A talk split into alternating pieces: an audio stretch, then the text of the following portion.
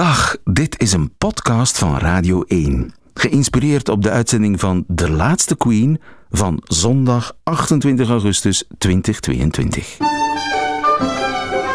declare before you all my whole life devoted to your service.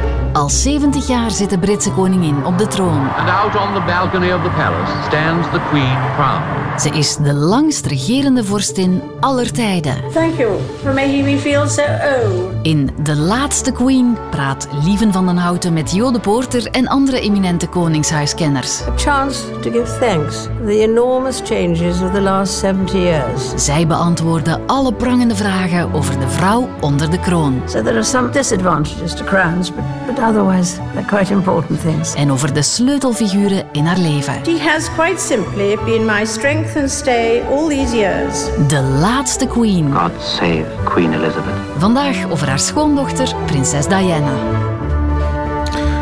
Een goedemiddag, haar schoondochter, haar tragische schoondochter. Inderdaad, woensdag zal het overigens 25 jaar geleden zijn dat de prinses van Wales verongelukte in een tunnel in Parijs. Na de begrafenis overigens een week later keken 2,5 miljard mensen.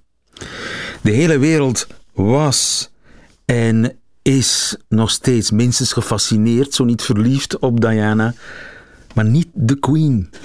Hoe dat zo gekomen is en hoe haar dat bijna de troon heeft gekost, dat ontdekken we in deze slotaflevering van De Laatste Queen. Goedemiddag, Jo de Poorter. Goedemiddag. Goedemiddag ook Lia van Beckhoven. Goedemiddag. Sinds jaar en dag ben je correspondent uiteraard in Londen voor diverse Vlaamse en Nederlandse media. Lia, weet je nog waar je was Oh, toen je hoorde dat Diana doodging? heel erg weet ik, heel erg goed weet ik nog waar ik was. Ik was eh, eh, met mijn kind op vakantie in Turkije. Een Britse vrouw wilde toen net van de camping weggaan en zei: Oh, hier heb ik een eh, pak cornflakes voor je, want ik ga nu weg. En ik hoorde net op de Turkse radio dat de Diana betrokken is geweest bij een auto-ongeval. En wij zeiden nog: Ho, ho, die Turken, weten zij veel. Daarna begon mijn telefoon, eh, mijn mobiele telefoon, te rinkelen en is niet meer opgehouden.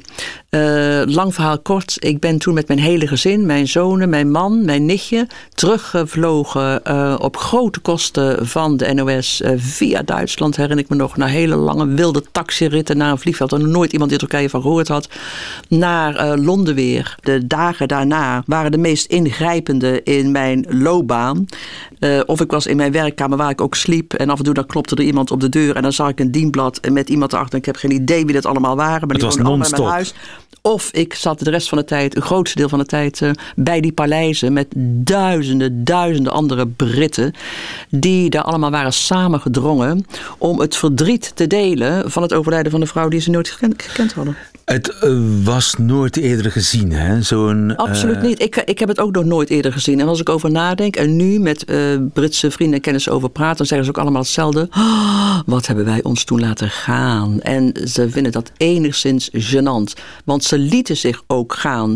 Je kon niet. Het land was in tranen, letterlijk. Hele week hebben ze lopen stotteren. Mensen kookten niet meer. Kinderen werden niet van school gehaald. Zodra je op het perron stond, dan zag je een menigte met, met bloemen die allemaal naar de stations, eh, via de stations en via de metro naar de paleis gingen waar ze die bloemen weglegden. Of flessen champagne, balletschoenen, teddybeertjes. Alles lag daar. T-shirts.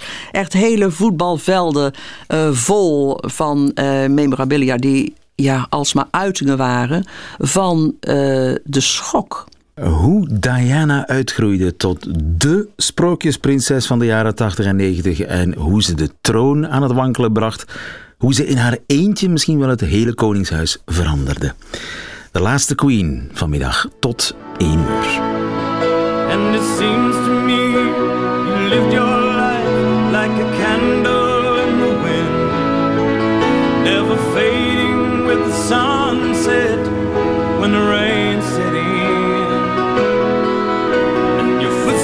will always fall here along England's greenest hills. Your candles burned out long before your legend ever will. Your footsteps will always fall here along England's greenest hills. Your candles burned out.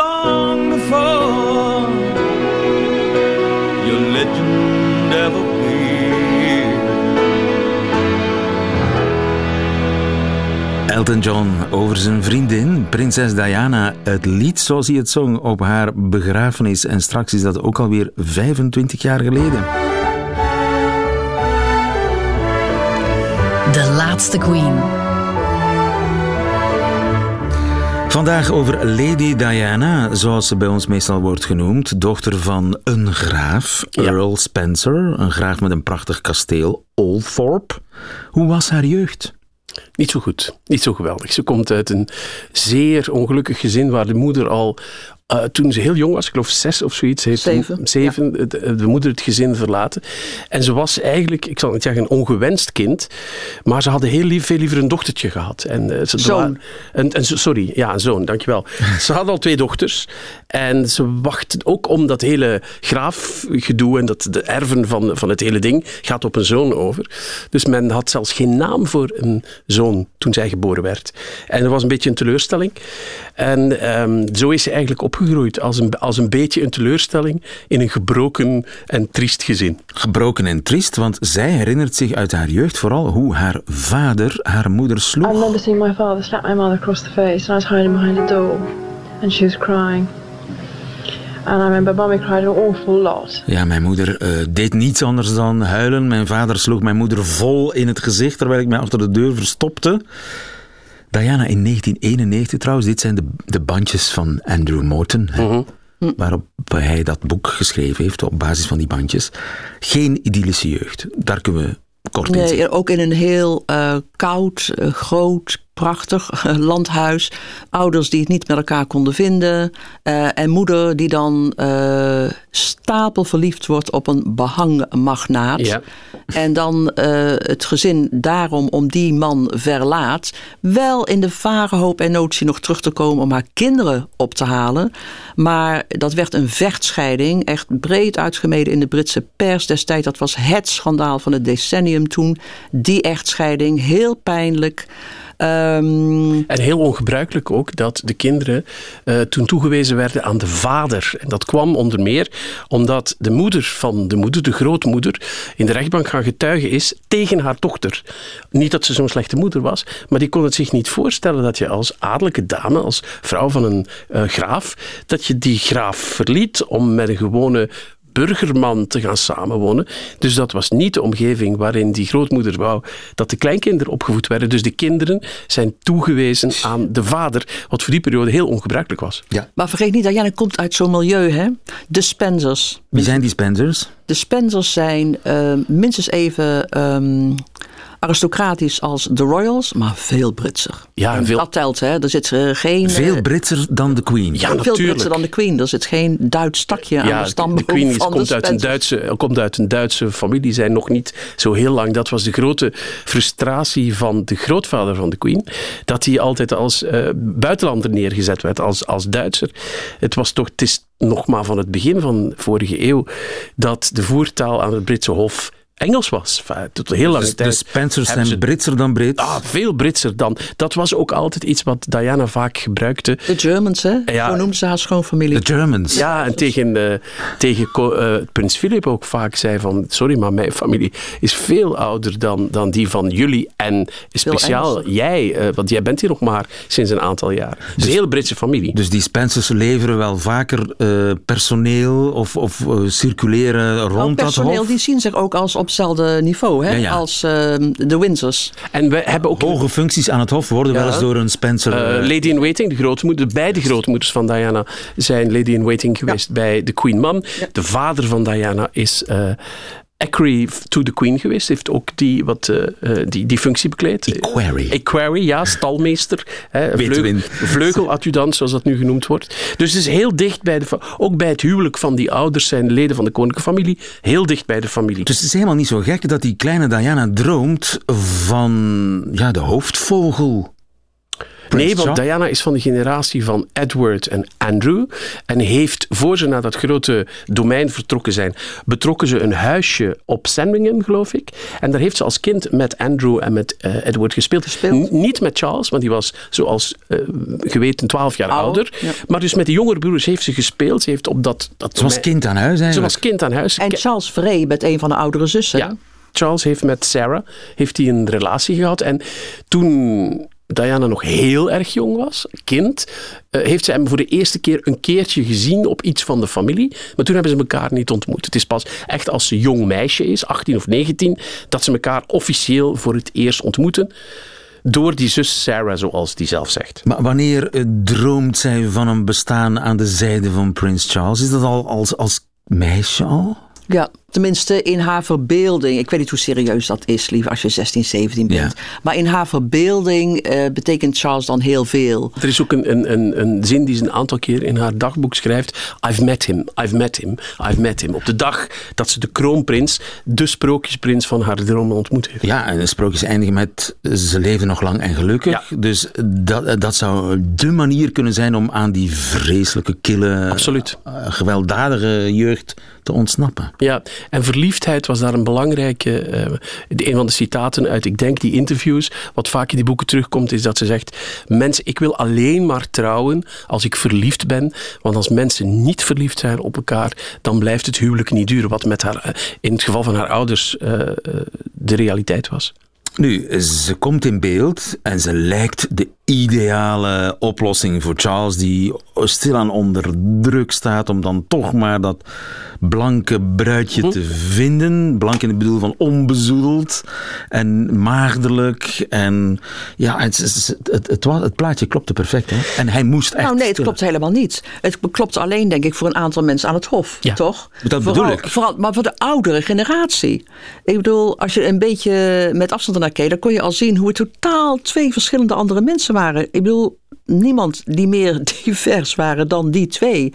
Eh, zij was een stadsmeid, een jonge meid eh, van deze tijd. Hip gaf niet om platteland of om paardrijden en eigenlijk helemaal niet om huisdieren. En dat was helemaal Charles' wereld, plus een hoop filosofie en... eh, een man die moeilijk in zijn vel zat. Zij had ook een moeilijke jeugd gehad. Ik bedoel, het laatste wat je wil is dat je die twee tot elkaar veroordeelt. Maar wisten die Dat is dan een ambitieuze oudere hofdames aan het hof dat? Die keken zo niet. Die zagen het heel anders. Die dachten inderdaad, om de redenen die jij gaf. En het leeftijdsverschil ook. Hè. Ze Dit is prachtig, verschilde 12 jaar. Dat is bijna. Het is niet die generatie, maar dat is een hele, hele lange Maar tijd. een, een, een soort eh, bias eigenlijk. Hè. Ze moesten er een vinden en ze leek perfect, dus dan moest dat allemaal. En ik, ik herinner me dat ze zelfs ook naar, naar Balmoral gegaan is om daar mee te gaan. Ja, ze speelden ook dat country meisje. Mhm. En de druk op hem was heel groot om te gaan trouwen. En wat, als je er nu op terugkijkt, en zelfs vandaag de dag, heel veel van de communicatie in die familie gebeurde per geschreven brief. Nog steeds? Nog steeds, eh, per geschreven brief. Dus dat vinden ze heel fijn. En er is een, een, een legendarische brief die eh, eh, Philip op een bepaald moment schrijft, eind de jaren 70, bijna jaren 80, waarin hij zegt aan, aan, aan Charles van luister, je zal een beslissing moeten nemen. Dit hoeft dit meisje niet te zijn, maar als je denkt dat het, dat het klopt, en dat, dan moet je nu een beslissing nemen. En marry the girl. Ja, en Charles heeft dat geïnterpreteerd als... Nu trouwen met deze. Ja, en hij is braaf geweest en heeft dat gewoon gedaan. Hoeveel keer hebben ze elkaar ontmoet voordat de verloving werd aangekondigd? Wacht even, die heb ik opgezocht. Eh 13 keer. Voordat ze trouwden, hebben ze elkaar 13 keer ontmoet. Dat is voor ze trouwden en, En voor zij ze voelde verloofden. al, en zij voelde al, toen ze eenmaal verloofd waren, eh, Diana, dat het misschien niet voor de volle 100 procent. Ja, dat was al duidelijk bij het eerste interview. Eh, precies. ehm, eh, hetzelfde zou zijn voor hem als voor haar. Maar toen ze er met haar twee oudere zussen over sprak. Een paar dagen voor haar huwelijk hadden ze lunch met z'n drieën. Toen zei ze: Dit is misschien wel de grootste fout die ik ga maken. En toen zei een van haar zussen: Meid, het is te laat. Je gezicht staat al op de theedoeken. Want bij het aankondigen van de verloving, het uh, roemruchte interview, waarin Charles dit zegt. Just delighted and, and happy. And I suppose in love. Of course. Whatever in love means. We had this ghastly interview the day we announced our engagement, and this ridiculous ITN man said, Are you in love? So I thought, What a thick question. So I said, Yes, of course we are, in the sort of fat, stern ranger that I was. And Charles turned around and said, What in ever in love means. And that threw me completely.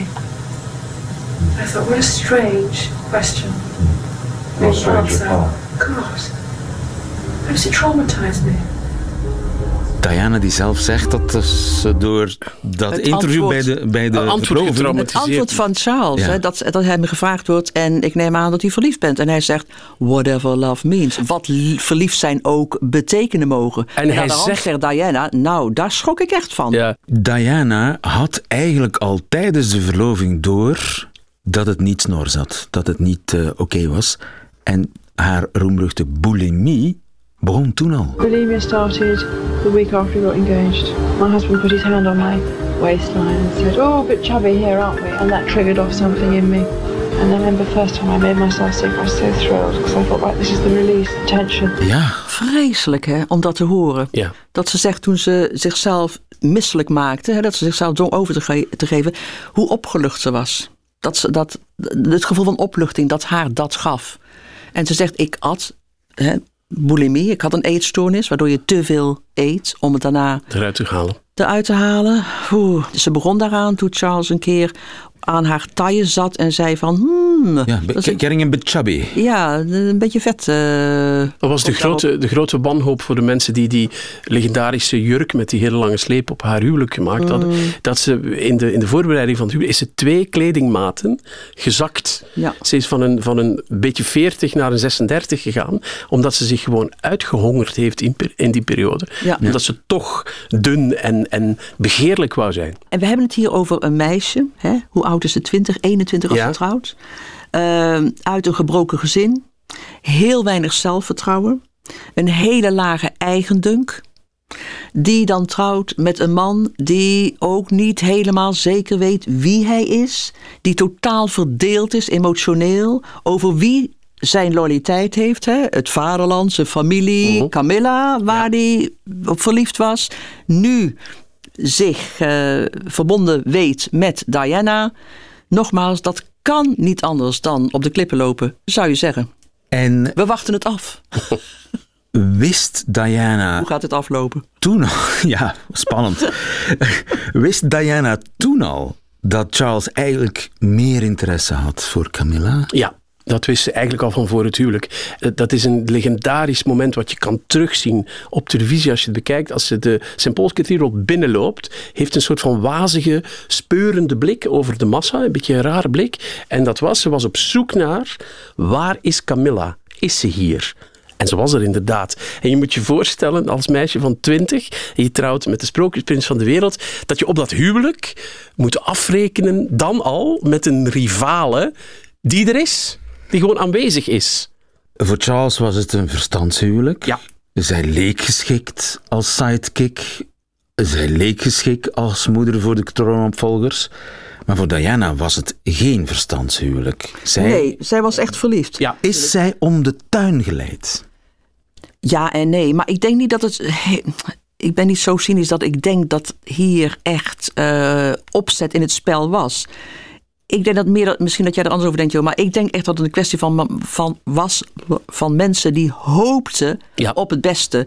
Die alleen maar door stommiteit misschien, door niet echt de realiteit te willen zien, zich vooral lieten leiden door wensdenken.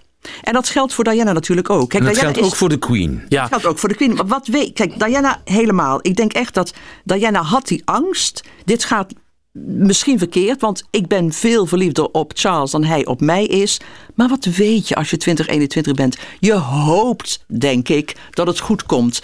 En misschien hoopte Charles dat ook. Ja, En ja. als Diana hoop je, sorry, maar als Diana denk ik hoop je ook dat jouw liefde zo groot is dat het de verhouding kan keren. En je moet weten dat Charles uit een familie komt en behalve zijn ouders, die echt verliefd op elkaar zijn geworden op heel jonge leeftijd, maar zijn grootouders en overgrootouders zijn allemaal mensen die aan elkaar gekoppeld zijn en die later een heel gelukkige relatie met elkaar gehad hebben. De, de Queen Mom is aan die man, die had helemaal geen zin om met die prins te trouwen, wou eigenlijk met zijn broer trouwen.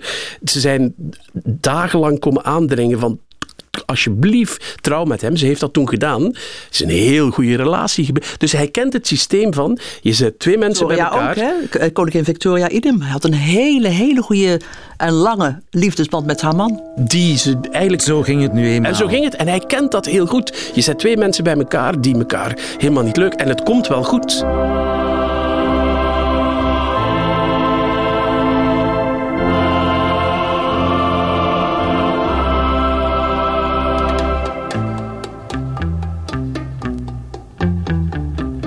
Dit wordt voor mij de laatste nacht in het huis waar ik ben grootgebracht. Meisje stijf, wat in je gauw? Ik moet nog wennen aan mevrouw. Alles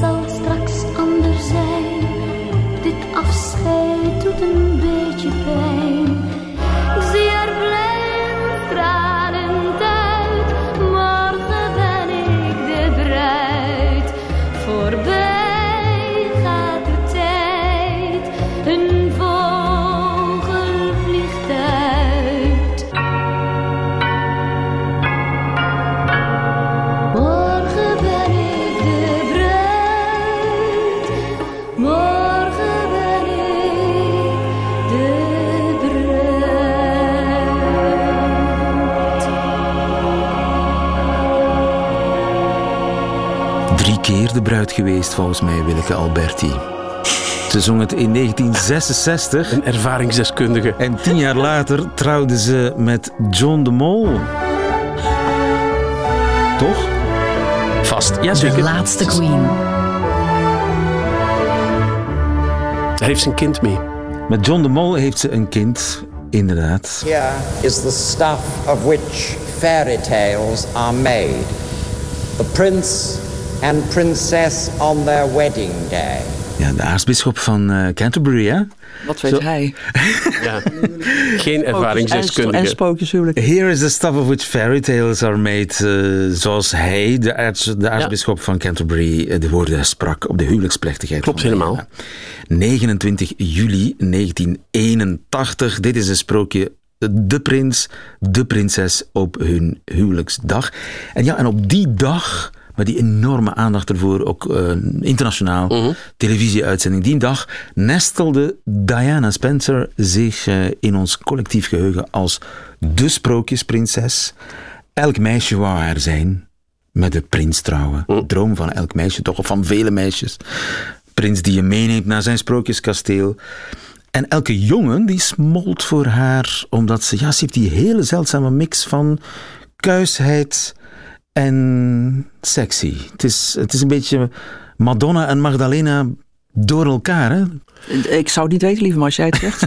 mensen, die, mensen die haar eh, goed kennen en haar ontmoet hebben, eh, hebben het over twee dingen. Dat ze één, niet zo mooi was, maar heel aantrekkelijk. En dat ze wist hoe ze zich voor... Op foto's zag ze er ja, toch ja. geweldig Ze uit. wist hoe ze zich moest houden voor een foto. Ze poseerde ook altijd. Toen een foto gemaakt werd, nam ze een bepaalde foto. En als je, in, als je denkbeeldig kan je het zien, dan ze doet haar hoofd een beetje naar links en ze gaat, doet haar hoofd een klein beetje naar beneden. En eh, het was een woest aantrekkelijke vrouw. Plus het feit dat ze zo charismatisch was, dat als ze binnen in een kamer kwam, moesten de mensen bijna de ambulance bellen, dat, dat, er, zoveel, dat er zoveel invloed was. Ehm, en dat zijn twee dingen die ze niet alleen had, maar die ze door de jaren heen ontzettend bestudeerd heeft zelf en versterkt heeft en vergroot heeft. Ik was een paar En dat was het punt ook, hè? Dat niemand Charles begreep. Want dit was een vrouw eh, die geweldig goed lag bij iedere demografie overal in het hele land. Eh, voor het eerst hadden de eh, Britten iemand aan het hof die niet alleen oude traditionele onderdanen vertegenwoordigde, maar met wie ook een jongere demografie zich kon vereenzelvigen. Dat zag je eh, vooral op haar begrafenis. Dat vond ik een van de meest opvallende dingen trouwens van haar begrafenis. Dat iedereen er was. Ehm, eh, zwart, wit, eh, oud, jong, hetero, homo. Dat was uitzonderlijk bij een koninklijke gelegenheid. En het andere punt was dat het hele land verliefd was op Diana, behalve Charles. En dat bleek al eh, op de huwelijksreis. I just had tremendous hope in me, which was slashed by day two. My husband took um, eight Lawrence Vanderpost novels along on our honeymoon. Well, no, to read. So every lunchtime or dinner time, when, when we were allowed to be on our own, we were supposed to read them. But we were never on our own. And I remember crying my heart out on my honeymoon. I was so tired. For all the wrong reasons. Totally. Ze was vermoeid om de verkeerde reden. redenen Op wat- de op de huwelijksreis. Ja, ze heeft toch wel een geweldig gevoel voor humor. Maar dat is jaren later waar ze dan over praat. Die is van 15, 16 jaar later dat ze het erover heeft. Ja, dit is Norton, hè? Ja. Of Ja, Morton liever. Morton, Eh, ja. Graham, Ruim tien eh, jaar. Andrew Norton. Morton. Andrew Morton, niet Graham Norton. Eh, Ruim Dat tien jaar later Dus kan ze terug er op... op een hele mooie manier op, eh, op terugkijken. Hè? Echt met, dan ziet ze ook hoe absurd het is dat op hun huwelijksreis Charles probeert om Laurens van der Post van de Post voor te lezen. Dat is een Zuid-Afrika- Zuid-Afrikaanse ziener, een vage filosoof, ehm, waar niemand van gehoord heeft behalve prins Charles. Ja, en dat is haar. Dat is haar, Dat is haar huwelijksreis. Ja, en dat is nog niet alles. Dan moeten de manchetknopen nog gevonden worden en gezien worden. And on our honeymoon, we have a white tie dinner for President Sadat. Cufflinks arrive on his wrist. Two C's entwined, like the Chanel C. Oh, right. Got it in one, knew exactly. So I said, Camilla gave you those, didn't he? He said, yes. So what's wrong? They're present from a friend. And boy, did we have a row. Jealousy. Total. That's it. Nogmaals, dit is de, de honeymoon, de huwelijksreis. En als ze naar een chic diner moeten van Sadat, de toenmalige president van Egypte, dan draagt hij Marchetsknopen. met CC erop. Ja. En dan zegt zij al, dat, waren cadeau, dat was een cadeautje zeker van Camilla. En dan zegt hij, ja, nou so what. Dat is eh, een cadeau van een goede vriendin. En dan zegt zij, jaloers, hè, jaloers. Alsof het aan haar ligt. Dat zij, nogmaals, iemand met heel weinig zelfvertrouwen en lage zelfdunk. Alsof het aan haar ligt. Dat zij zich daar niet prettig bij voelt. Ja, maar god, eh, bedoel, dit is toch bijna te erg om waar te zijn? Je zou hem toch met zijn hoofd tegen de muur willen slaan? hè? En dan achteraf zeg je, ja, maar ik heb zo mijn best gedaan om wat van dat huwelijk te maken. Dat heeft het trouwens nooit gedaan. Eh, hem- Wat, met zijn hoofd tegen de muur Nee, ze heeft het wel met zichzelf. Nee, nee, ja, je zou denken dat ze dat het wel doet. Maar ze heeft het wel. Het drama, dramatische is dat ze het met zichzelf gedaan heeft. Klopt. Eh, van een trap gegooid en de polsen gekerfd. En van een heleboel ver- verminkingen om aandacht te krijgen. Je hebt er I iets threw over. myself down the stairs. Um, bearing in mind I was carrying a child. Toen ze in verwachting was. Ja, maar aandacht krijgen, dat klinkt weer zo negatief. Nou, Ze wilde natuurlijk aandacht hebben, maar het was ook een, een roep om hulp. Ja. Ik bedoel, dat is meer dan alleen maar aandacht willen. hè? Ja, en ze kreeg dus ook een, een, een beroemde scène, dat schrijf ik ook in, in het boek, ehm, waar ze kapot van de wanhoop en ze krijgt een van die twee zussen op bezoek, Jane of Sarah. En ze zegt, ja, ik, je hebt blauwe plekken, wat is er gebeurd? Ja, ik heb mezelf geknepen of geduwd.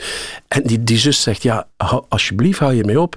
Je gaat toch de koninklijke familie niet teleurstellen. Je gaat die mensen toch niet, in plaats van te zeggen, is er iets met je aan de hand, kunnen we helpen? Je gaat die mensen toch niet teleurstellen. Je hebt je geëngageerd voor een huwelijk. Jij blijft hierin en je blijft in die zieke relatie. Je moet, stel ons niet teleur. Maar is dat niet... Druk, hè? Ja. De- iemand moet daar een serie over maken. Dit materiaal. in. Ja, daar zit inderdaad materiaal in. Maar is het niet heel raar dat ze aan de ene kant verwachten ze een, een blanke lelie, een onbespoten meisje, zonder ervaring. En eh, eenmaal op de trein, op de koninklijke trein, wordt ze volledig aan haar lot overgelaten. Ja, dat, is ook een van haar klachten. Hè? Dat ze was, ja, dat is raar, maar zo functioneert de koninklijke familie. Het is niet de warmste familie van het land, kan ik je zeggen. Dus zij voelt zich fantastisch alleen. Bovendien weet ze niet helemaal precies wat ze moet doen, wat wordt er van haar verwacht. Ja. Dus ze zit daar alleen, En dus ook- heel vaak in het paleis, met ehm, eh, Niemand om mee te warme praten. maaltijden voor één persoon uit de diepvries eh, op haar schoot. Alleen. En Charles doet zijn eigen ding. En ook binnen die paleismuren is er niemand die ze in vertrouwen kan nemen. Nee, want naar de hand ook, dan, dan neemt haar theorie toe, eh, samenzweringstheorie. En dan denkt ze dat inderdaad de koninklijke familie eh, vijandig staat tegenover haar. Dat ze misschien er wel op uit zijn om haar kwaad te doen. En het feit dat er niemand is die haar van die mening eh, kan ontdoen, mm, dat weet ik natuurlijk ook niet. In het begin is, natu- is, zijn weinig geïnteresseerd, want met het huwelijk is het probleem van de erfopvolging opgelost. En daarna wordt ze gevaarlijk. Ziet, ziet de familie dat ze heel veel aandacht krijgt, dat ze heel veel eh, door het publiek op handen gedragen wordt. Ja, daar gaan we nu niet aan bijdragen om dat nog te versterken. Ja, dat blijkt En vooral... Dat is het grote probleem, hè, Jo? Dat zij dan de populairste Ja, wordt. absoluut. Misschien af en toe op de Queen na, maar niet vaak. De populairste wordt, eh, royal wordt ehm, eh, van het hele land. En dat zij bovendien iets doet wat nog nooit gebeurd is in Buckingham Palace. Namelijk, ze krijgt een sterallure en een internationale aandacht.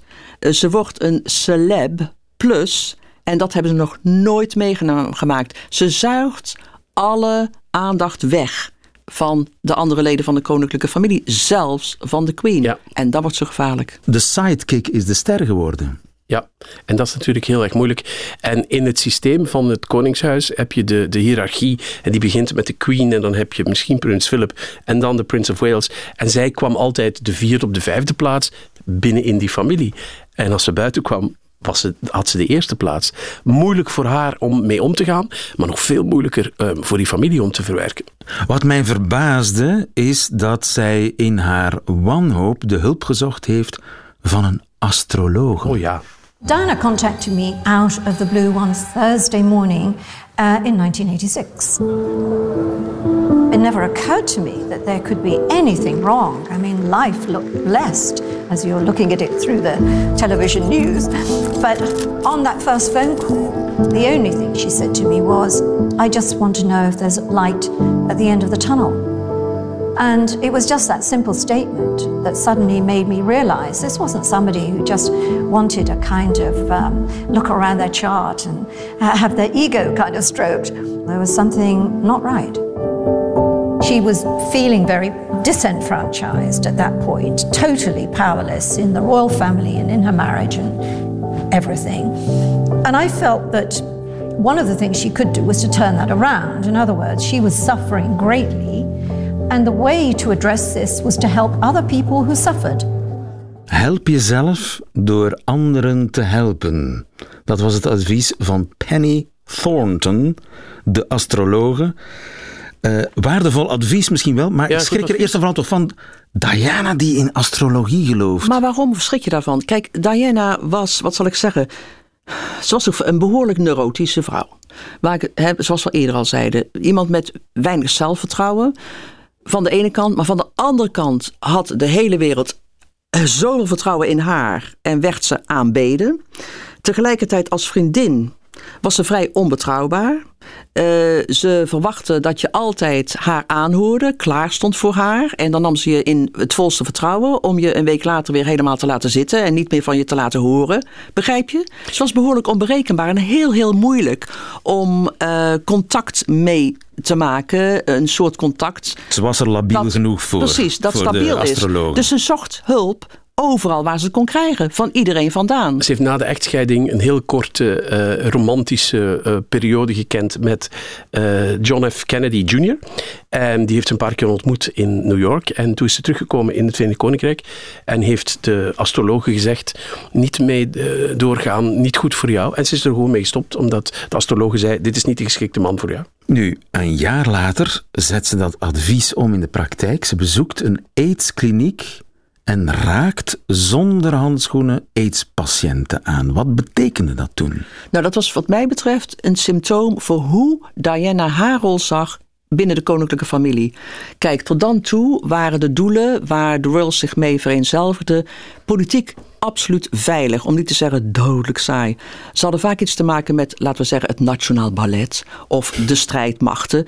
I- Doelen waar je geen buil aan kon vallen. Diana ging verder. Ze zette zich inderdaad in, bijvoorbeeld voor mensen die AIDS-patiënt waren. Daklozen. Maar AIDS was toen daklozen. een soort van lepra. Hè? We Ja. zitten in de halve jaren tachtig. AIDS-patiënten waren mensen die door sommige artsen zelfs in sommige ziekenhuizen niet behandeld konden worden. Omdat men bang was dat het een ziekte was die heel makkelijk overdraagbaar was. Als jij de patiënt aanraakte zonder handschoenen, dan zou jij wel eens met AIDS besmet kunnen worden. Wat doet Diana? Op alle journaals staat de volgende dag. Zij stapt een kliniek binnen. Ze praat niet alleen met AIDS-patiënten, maar ze raakt hen aan. Ze geeft hen de hand. En dat is revolutionair. Vergeet ook niet, Section 28 liep toen in eh, Engeland. Een wet geïntroduceerd door Thatcher.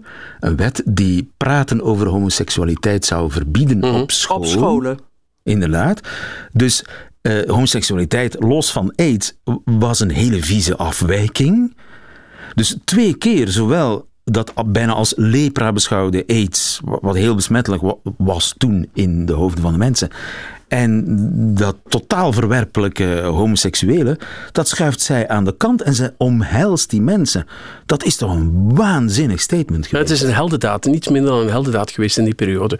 Dat zal ze zeker gedaan hebben voor de zaak, maar ik denk ook dat ze dat een beetje ook voor zichzelf eh, gedaan heeft. Maar het is ook oprecht hoor, Jo. Ja, ik, ik snap het. Het is oprecht, zo voelden ze dat. En het is ook een koninklijk gebaar, de zieken aanraken. Ja. Oeh, dat vind ik wel Het hele, het hele, het is een beetje een, een vicieuze... Maar, maar ook de, de koningin beschouwt zichzelf als heel religieus. Zeker, en Ja. de meeste Britten, toen, ze, toen de koningin inderdaad eh, op de troon zat, toen dacht een derde van de Britten dat ze door God gest- gestuurd was. Dus ja, er zit natuurlijk een... Ik wil maar zeggen, door al, door al dat die klopt, daden dat wordt klopt. zij ook nog eens daarbovenop een soort moeder Teresa, wat haar een enorme macht heeft gegeven. Heel erg, heel erg. Nadat ze overleed, zou de, queen- zou de koningin gezegd hebben: nooit meer een Diana. te gevaarlijk. Ze haalde te veel overhoop. Ja, en die macht gaat ze gebruiken tegen de Queen, tegen Charles. Ze wil haar verhaal, Nooit tegen de queen. nou, niet rechtstreeks, maar dan weet ze toch als ze met Andrew Morton gaat praten over een te verschijnen boek, waarin ze alles eens flink gaat vertellen, dat dat, Het instituut van de monarchie niet ten goede komt. nou, En de familie Windsor ook niet. Maar ze heeft nooit een lastige verhouding gehad met haar schoonouders. Ze was hechter met haar schoonvader, met prins Philip, dan met de queen. De queen, wederom, gedroeg zich relatief afstandelijk. Philip veel minder. Hè. Er zijn ook mooie brieven geschreven tussen hen... toen zij al van plan was om te scheiden, en Charles. Ehm, eh, maar inderdaad, wat je zegt, ze werd gezien als een, eh, als een, als een ehm, los kanon. Ja, ja, loose cannon. Een loose Een- cannon. een- Maar het is, wel, het is wel de Queen die uiteindelijk beslist heeft, na dat legendarische interview met de BBC, met Martin Bashir, wat ze daar allemaal verteld heeft. Daarna van, nu is het echt afgelopen, jullie moeten echt uit elkaar gaan. Want dit zal zulke schade aanrichten. Voor... En het geestige is, of het interessante is daarna, dat ze dachten van, oké, we bijten door de zure appel, echtscheiding, we geven daar wat geld, we duwen er weg. Ze krijgt geen enkele functie, want alle goede doelen werden af. Ze kreeg geen enkele officiële functie. En dan zie je dat, dat in die periode Diana zich als een soort Amazone, als een activiste, als een soort moeder Teresa met een kroon gaat ontwikkelen, helemaal los van die familie. Ja, en ook nog eens de verstoten vrouw, hè? Ja. Want, want hoe keek ze in de camera toen ze aan die Bashir deze woorden sprak? Well, there were three of us in this marriage, so it was a bit crowded. Dat zijn de legendarische woorden. Hè? Er waren, we waren met z'n drieën in het huwelijk, eh, ogen aangezet, heel triest. Ze was ook nog eens de verstotene, Ja. de, de, de underdog. Ja, niet alleen de handgranaat met de pin eruit, maar inderdaad machtelares. Ja. ja. Dus alle boksen werden aangetikt.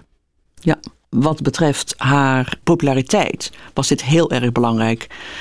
En ze was daarom gevaarlijk omdat ze de positie van Charles bedreigde met dat interview.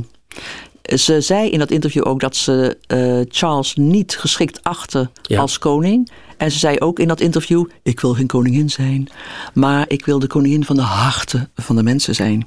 En, en daarmee eh, maakte ze zichzelf populairder in feite dan de queen Dus en dan- de rest van de koninklijke familie. Dus wat dat betreft is ze dan heel gevaarlijk. Ja, en dan wordt het toch een soort ja, eh, oorlog tussen twee queens. T- Tussen twee hoven bijna, hè? Ja, juist. En eh, de queen reageert door haar eigenlijk eh, Royal Highness af te maken. Ja. En vanaf dan is ze eigenlijk alleen.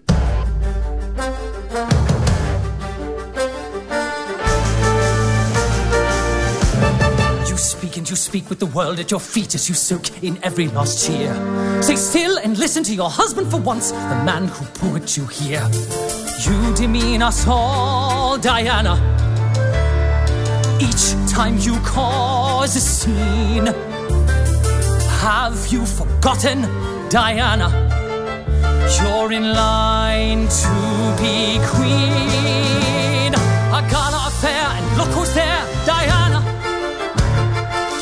Were in, hey, it's her, Diana. You only enter center stage. There's more to life than the fucking front page. Diana. I just want you to notice me how you notice Mrs. Parker Bowles. God damn it! It's all your fault.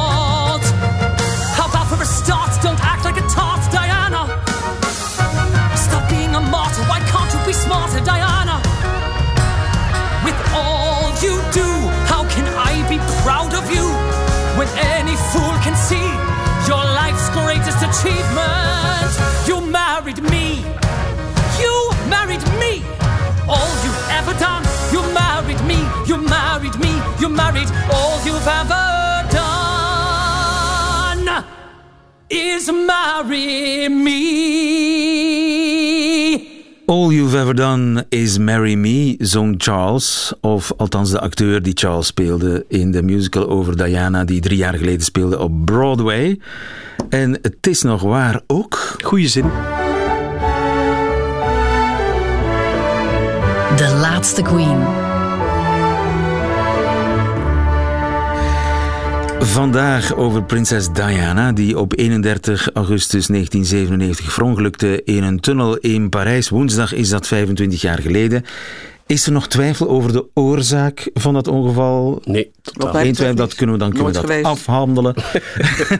er is geen twijfel. De, de- de chauffeur was dronken en die is tegen Veel te snel gereden. Als je inderdaad in een auto zit en je zit achterin en je draagt geen veiligheidsgordel en je wordt gereden door een chauffeur die eh zat Stuk in de in ieder kraag. geval, precies, stuk in de kraag. Die heeft en achterna gezeten door een horde fotografen Ja. en je knalt dat tegen een pilaar aan. Ik bedoel, Ja. ja, gebeurt.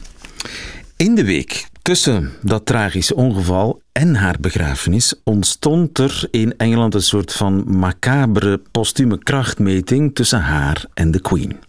De Queen die geen verantwoordelijkheid neemt en zich in Balmoral terugtrekt.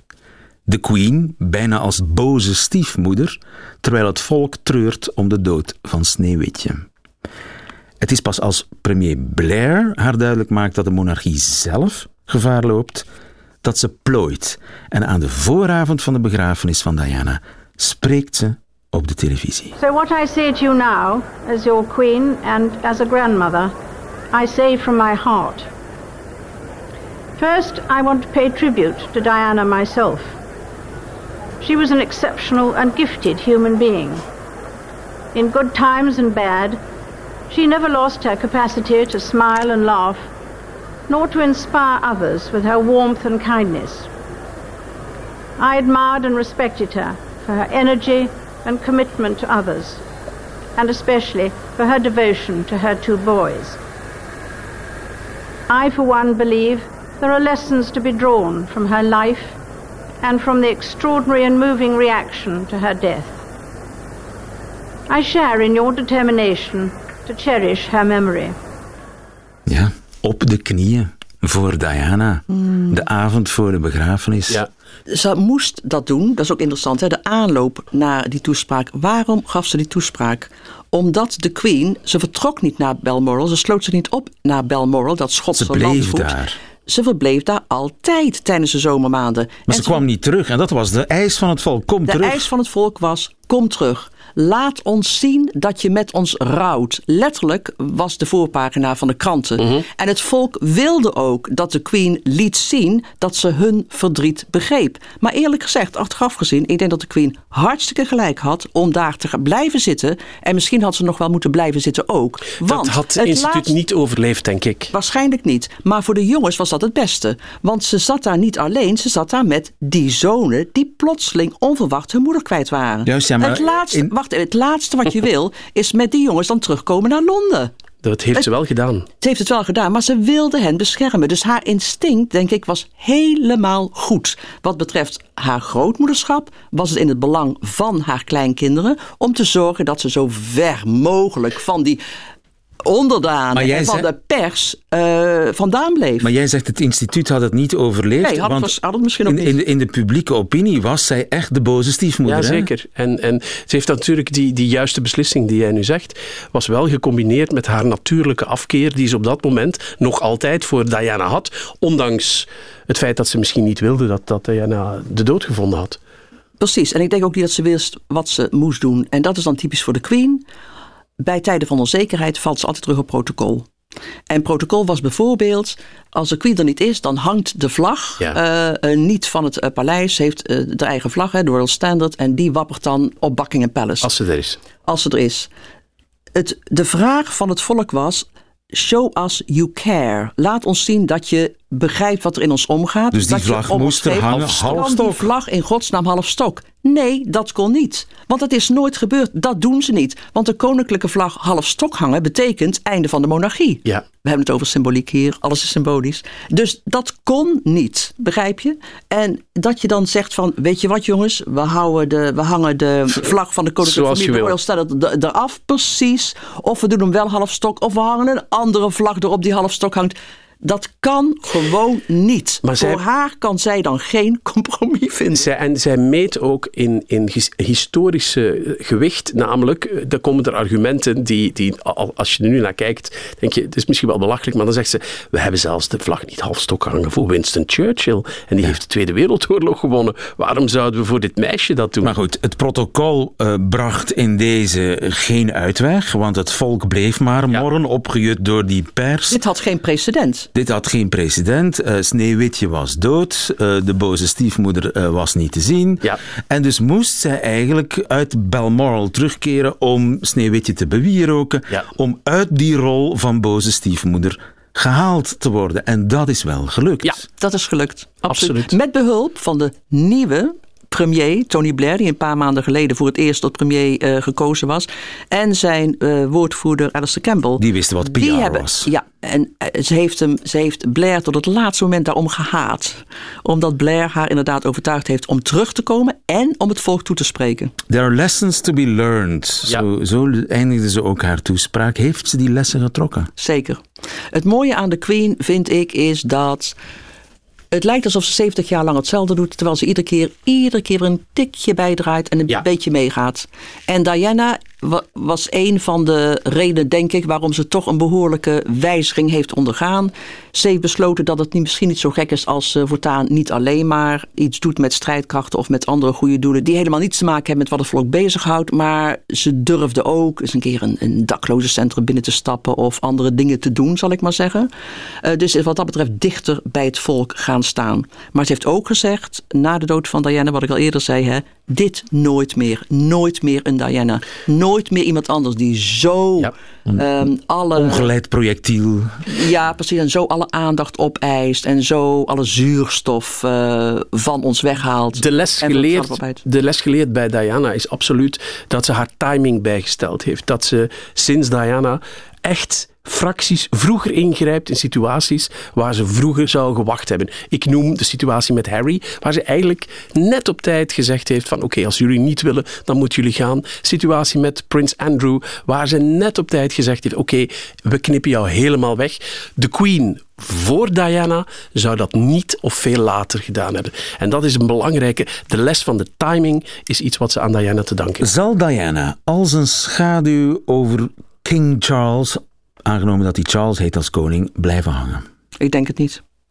Ik denk echt het feit dat de Queen nog niet zo lang geleden gezegd heeft dat ze erop rekent dat Camilla Queen wordt. Eh, dus het hele stadium van prinses van Wales wordt overgeslagen. Eh, ik denk dat dat betekent dat de Britten steeds meer bereid zijn om Camilla te accepteren als eh, queen, als echtgenoot van Charles, als ehm, eh, vrouw van het toekomstige staatshoofd en daarmee eigenlijk de geest van Diana min of meer schrappen. Kijk, Diana zal altijd wel blijven, maar op de achtergrond. Ik hou toch even mijn hart vast voor het volgende seizoen van The Crown, waar Diana weer in eh, levend, en, en on- levend en onwel in zal te zien zijn. En dat dat wel haar figuur en haar nagedachtenis zeer dicht bij de Britten van vandaag eh, zal brengen. Dus ik wil daar nog even een beetje reserve bewaren. Daar komt ze nog even piepen. Ja, want ja, zij is tenslotte de koningin die het volk wel wilde en Charles niet. Maar dat is een generatie geleden. Hè? Ja. Wat als ze nu nog zou leven? Stel dat ze niet Oh, verongelukt daar moet je was. toch niet aan denken. Want we hebben het allemaal over de... waarom moet je daar niet aan denken? Weet je waarom niet, Jo? Al die onder... Die... We hebben het er niet over gehad. We hebben het over de, de, de tussenbeense activiteiten gehad van eh, Charles. Tussenbeense activiteit. Mhm. Maar we hebben het niet gehad over alle vreselijk ongeschikte minnaars, de een na de ander, die Diana gehad heeft in die periode. En heel veel van die mannen, die haalden ze stiekem het paleis binnen. En we hebben het echt over nogal wat. Ja, ja. Ze stolkten een aantal. Zoals eh, die antiekhandelaar in eh, Kensington bijvoorbeeld. Ze viel echt mannen lastig. Ze was heel kwetsbaar, denk ik, omdat ze zo needy was. Hè. Ze heeft haar hele leven gevochten voor en gezocht naar eh, liefde, naar geborgenheid, naar zekerheid. Ehm, ze was stapelgek op een Pakistaanse hartchirurg. Hasnat Khan. Hasnat Khan, die ze ook achtervolgd heeft. Ze wilde zelfs naar Pakistan om echt te wonen. Ze wou moslim worden. Ze wou moslim worden. Kan je nagaan hoe dat was afgelopen? We zullen het nooit weten. Voor hetzelfde geld was ze misschien gelukkig geweest, had ze haar prins gevonden, leefde ze nu heel Nog erg een- teruggetrokken. nog een prins. Te- teruggetrokken ergens eh, op Ja. een of ander eh, platteland en hadden we haar nooit meer gezien, wie weet. Dankjewel, Jode Poorter en Lia van Beckhoven. Einde van onze reis. Dit was The Last Queen. Alle belangrijke sleutelfiguren rond de Queen zijn aan deze tafel de hele zomer lang uitgebreid besproken. Nog veel meer sleutelfiguren in het boek van Jode Poorter, dat heet De Laatste Koningin, Lia van Beckhoven. Jij hebt ook een prachtig boek geschreven, zeer recent, Klein-Brittannië. Radio 1 heeft nog veel meer fijne podcasts die ik u van harte kan eh, aanbevelen. Dank dat u bij ons was en graag tot een volgende keer.